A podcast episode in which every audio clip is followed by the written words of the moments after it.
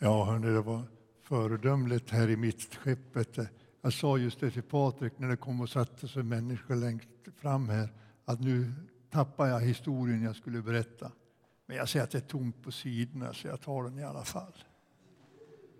Det påminde mig nämligen när jag kom in här i kyrkan och alla bänkar här framme inte var besatta. Så påminde jag mig om när jag kom till Åstifs gård och i kapellet där.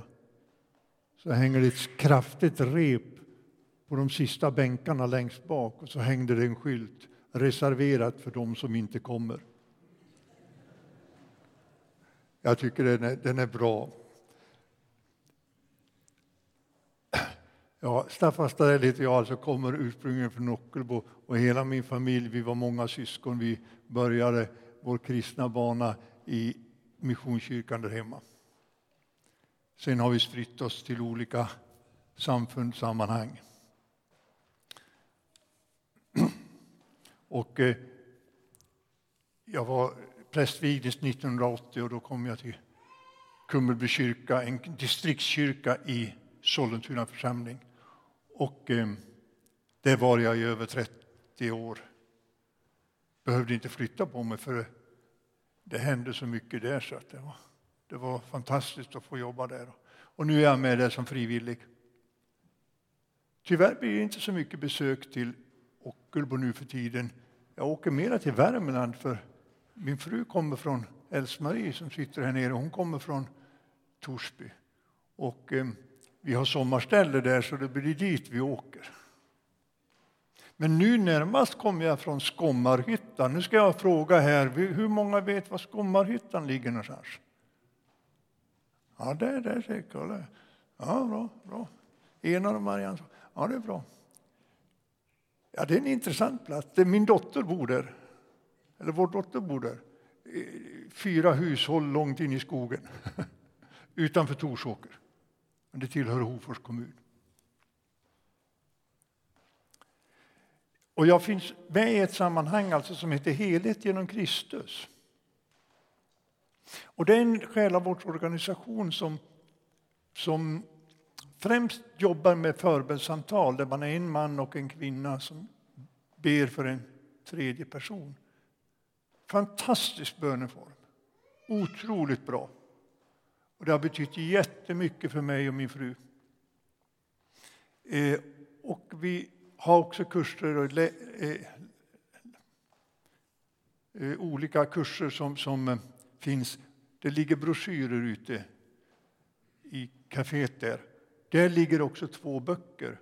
Den ena är Gita Andersson, min chef i Kummelby, som också finns med i Heligt genom Kristus. Som berättar om dels sin egen historia till omvändelse, dramatisk historia, plus att de berättar om hur församlingen växte i Kummelby. Speciellt genom Alfa, men också på andra sätt ger hon vägledning. Och sen finns det en liten bok som heter En liten bok om förbön. Det är Leif Nordenstånd som är föreståndare på eh, Fjällstedtska i Uppsala. Han skriver, och mycket av materialet är det jag har undervisat där. Hörrni, George Bernard Shaw och Winston Churchill de var inte så såta vänner, sägs det. Vid en premiär så telegraferade Shaw till Churchill reserverar två biljetter åt er på min premiär. Kom och ta med en vän, om ni har någon. Varvid Churchill snabbt replikerade kan tyvärr inte närvara vid premiären. Kommer på andra föreställningen, om det blir någon.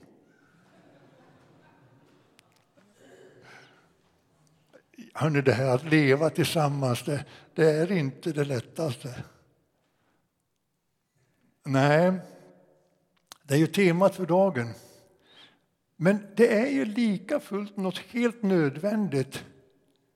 Vad än vi tycker i en tid där individualismen uppmuntras till en grad att många hamnar i en situation där de inte upplever sig fria, utan övergivna. För det är som Magnus Malm säger, ett rum utan väggar betyder inte frihet, utan övergivenhet. Och igår när jag var här igår eftermiddag så nämnde jag just den här Word Value Survey som eh, undersökningen, värderingsundersökningen där Sverige intog andra plats när det gällde sekularisering. Men vi vann när det gäller individualismen. Två områden som säger så här.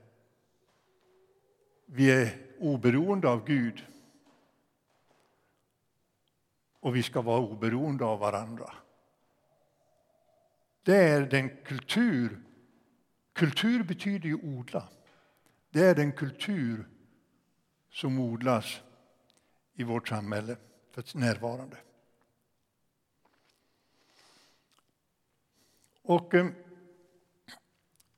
därav följer ju att Stockholm är världens ensammaste stad i den meningen att vi har mest ensamhushåll i landet eller i världen. Men vi vet trots detta att no man is an island. Vi lever med varandra vare sig vi vill eller inte och vi har att leva tillsammans. Dagens evangelietext den talar om tre syskon i Betania som levde samman. Men sen längre fram i texten så läser vi om Jesus, då blir det här liksom tillsammans inte lika självklart. Lärjungarna kommer och säger Herre, din vän är sjuk. Och Jesus svarar genom att vänta i två dagar innan de går till vännen Lazarus. Det är något motsägelsefullt i det där. Ni. Och ändå är det här som nyckeln ligger till dagens evangelium.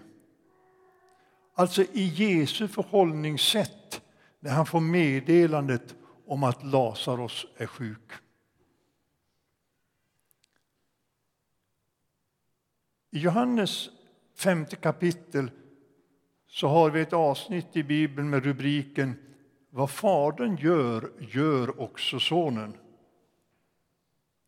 Det säger Jesus. Sonen kan inte göra något av sig själv utan bara det han ser Fadern göra. Och I dagens evangelietext så har vi en tillämpning på just det. Jesus agerade när han såg Fadern agera. Han var totalt trygg i Faderns kärlek. Och hans drivkraft var inte borde, måste, det gäller att leva upp till förväntningarna. Det var aldrig Jesu drivkraft. För vad Fadern gör, det gör Sonen. Han var totalt överlåten till Fadern och därigenom också blev han och var Guds rena avbild. Den som såg Jesus såg den människa han var, men såg också Gud. Och det där senare, såg Gud, det blev ju väldigt tydligt några dagar senare med tanke på vad som hände Lazarus som hade varit död i fyra dagar. Hörrni, vi är också skapade till att återspegla Gud. Det ger en bestämning åt våra liv och talar om någonting viktigt när det gäller vår identitet. Vilka vi är. Och att vi inte behöver bygga på vårt varumärke när det gäller vilka vi är. Laila, hon fick den bekräftelsen idag. När hon i dopet tar emot Guds ande och tar emot bekräftelsen på att hon är Guds barn. Och Patrik tecknade korset i Faderns, Sonens och den heliga Andes namn i pannan. Livets tecken. Det är starkt det här med korset. Vi pryder våra gravar med kors i dödens närhet. Vi gör det därför att det är livets tecken, att det finns en uppståndelse. Och det är precis det som tillhörigheten till Gud talar om och som Laila tog emot idag. Ett liv till uppståndelse, att hon är av Gud skapad och hennes identitet ligger djupast hos honom, precis som för oss alla.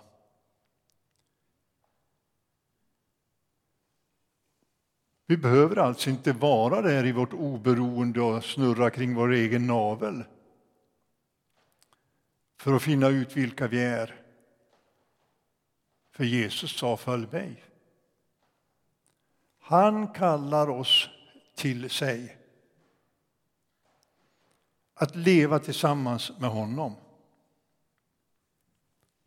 I veckamässan här hemma i kyrkan så improviserar Johannes, han är jazzmusiker i botten, helt suverän improvisatör. Han improviserade på låten, sången Ja, nu lämnar allt, ja, nu lämnar allt. Och så satt jag där i bänken och Texten fanns där sen jag hade sjungit den hemma i Ockelbo Missionskyrkan. Och så helt plötsligt började jag sjunga den på I surrender all på engelska. Och då såg jag skillnaden där. Usel översättning skulle jag vilja säga. Ja, nu lämnar allt, sjöng vi, och jag upptolkade den på den tiden i min ungdom som att ja, nu lämnar jag allt. lämnar världen, alltså. Jag skulle liksom skilja mig från världen på något vis. Lämna allt det där och sen skulle jag gå med Jesus. Men surrender, det betyder ju jag nu överlämnar allt som jag har med mig. Jag överlämnar mig själv, jag överlämnar problemen jag ser, jag överlämnar min familj, jag överlämnar den dag som är, den dag som kommer. Och överlämnar det till Jesus.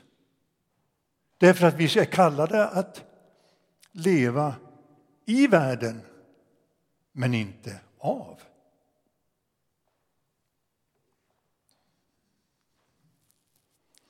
Alltså, Vi får överlåta våra liv till Jesus och ta emot honom genom den heliga Ande. Och ju mer jag gör det, ju större tillit får jag till honom och till församlingen som är hans kropp.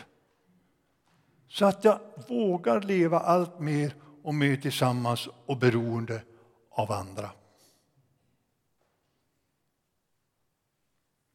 Och i vår kristna tro i Jesus har vi förutsättningarna för att göra det som dagens tema talar om, att leva tillsammans.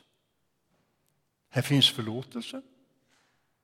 Alltså, vi behöver inte hålla på att kompensera för de fel vi gör eller gjort genom att vara goda och duktiga eller genom vår fromhet.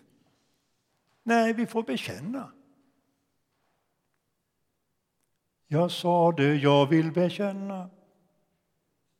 Står det i Psaltarpsalmen. Jag vill bekänna. Att bekänna synd handlar inte alls om alls, men det handlar inte om känslan och ångern och allt det utan det är ett viljemässigt beslut. Jag gjorde fel. jag bekänner det som synd. Och i den förlåtelsen så kan vi bli fria från skulden som vi bär på och som vi ständigt försöker kompensera för och då blir det en rustning gentemot vår omgivning. Tänk om ni visste allt om mig. Ni, om någon vet allt om dig, då kan du vara trygg. Jesus vet allt om dig. Och ju mera vi lär känna varandra och bli trygga med varandra i den meningen att vi vågar öppna upp ju mera syns, församlingen, syns Jesus i församlingen. Det finns förlåtelse. Det finns försoning. Alltså vi har möjligheten att lägga ner våra anklagelser mot varandra. Be om förlåtelse. Det är en viljehandling, en riktning, en väg att gå. Det är ingen quick fix. Han brukar säga i den här processen till förlåtelse, till försoning att ilska, hat, gråt, förlåt. Alltså, för att säga du, jag förlåter dig, så måste man veta vad det är man förlåter. Så här ont gjorde det. Så här mycket rassel har det blivit av det där som skedde då och som du gjorde mot mig. Men jag förlåter dig. Så förlåtelse, försoning. Jag sa att bekänna synd är en viljehandling. Ska jag beskriva försoning, en riktning att gå. Jag kom till tandläkaren. Jag ser att du gnisslar tänder, sa tandläkaren. Och jag visste varför. Jag gick och var så arg på mamma. Det här är vuxen ålder. Ja, men jag visste också att hon hade handlat rätt.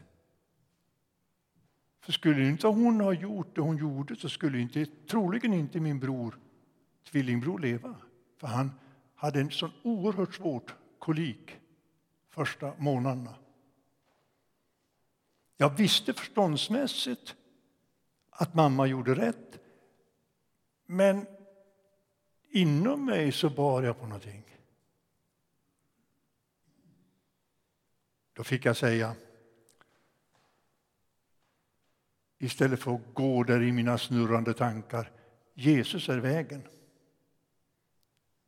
Jesus är vägen.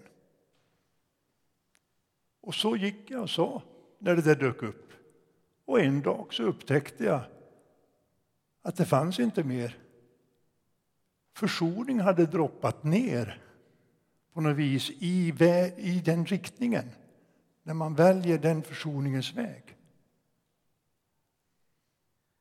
Så om du i din släkt, familj, arbetsplats, gemenskap på något vis har någon person som du råder oförsonlighet med Bestäm riktningen, gå i den riktningen och Herren kommer att handla. Det handlar inte om snabba quick fix.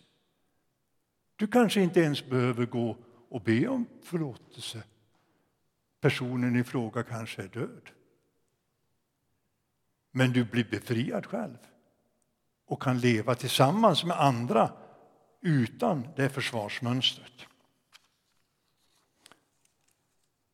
Och så har vi ju kärleken i församlingen genom vår tro på Jesus Kristus, kärlekens Herre. Och förlåtelse och försoning är uttryck för den kärleken. Och öppnar vi oss för den kärleken genom att öppna oss och ta emot den heliga Ande i våra liv. Den helige Ande har ju många namn. Det står hjälpare, tröstaren, livgivaren, sanningens ande, fridens ande. Alla namnen beskriver någonting som vi vill se i församlingen. Och för att inte tala om kärlekens olika dofter som beskrivs i Galaterbrevet 5 och 22. Det är frukter som följs av Andens liv. Andens frukter åter är kärlek. Och nu följer jag min lärare som jag hade i exegetik i Nya testamentet. Han sa att ja, men därefter så ska det vara en kolon. Kärlekens frukter, det står ju plural, men kärlekens frukt är kärlek. Och sen beskrivs kärleken. Och det tycker jag verkar väldigt rätt. Nämligen glädje, frid, tålamod, vänlighet, godhet, trofasthet, ödmjukhet och självbehärskning. Vilken doft! Vilken atmosfär! Hörrni, det skulle vi ju kunna leva tillsammans. I den atmosfären som doftar av Andens frukter. Där skulle man kunna våga leva i öppenhet och sanning. Där det fanns glädje, frid, tålamod, vänlighet, godhet, trofasthet, ödmjukhet och självbehärskning. Men vad gör han nu då i det här?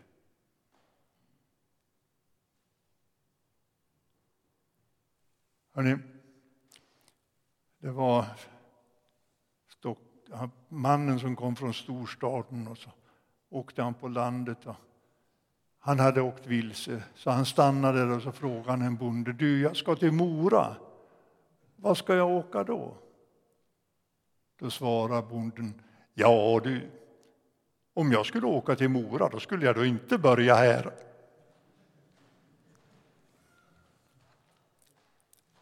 Och så kan vi nog tänka ibland också, att ska jag göra någonting åt mitt liv, då börjar jag inte här. Jag börjar nog där med den eller den eller... Nej. Men hörni, det är faktiskt så. Ska vi gå vidare så finns det ingen annan plats vi kan gå ifrån än där vi är. Det är där vi måste utgå. Vad blir det då? då? Jo, då vill jag berätta ett vittnesbörd från Sandy Miller, kyrkoherde i Holy Trinity Church Brompton, London. Som när han blev pensionär blev biskop. Jag tycker det är ett bra pensionärsjobb. Ehm, han hade, var på besök hos John Wimbers församling i Kalifornien och gick där på stranden och upplevde att Gud sa till honom att Herren ville använda honom till att påverka stort i världen. Och Sandy Miller säger, det, det, det, var han inte beredd liksom att, var han mannen för det? Men då förklarar Gud att det skulle ske genom att han tar ett steg i taget. Och den överlåtelsen kunde Sanny Miller ställa upp på. Och idag, ja, det är 40 miljoner som har gått en alfakurs. Det är ganska bra frukt. Och den kyrkan påverkar och man stänger inga kyrkor längre utan man ringer till HTB och så, så åker de dit och så fylls den kyrkan.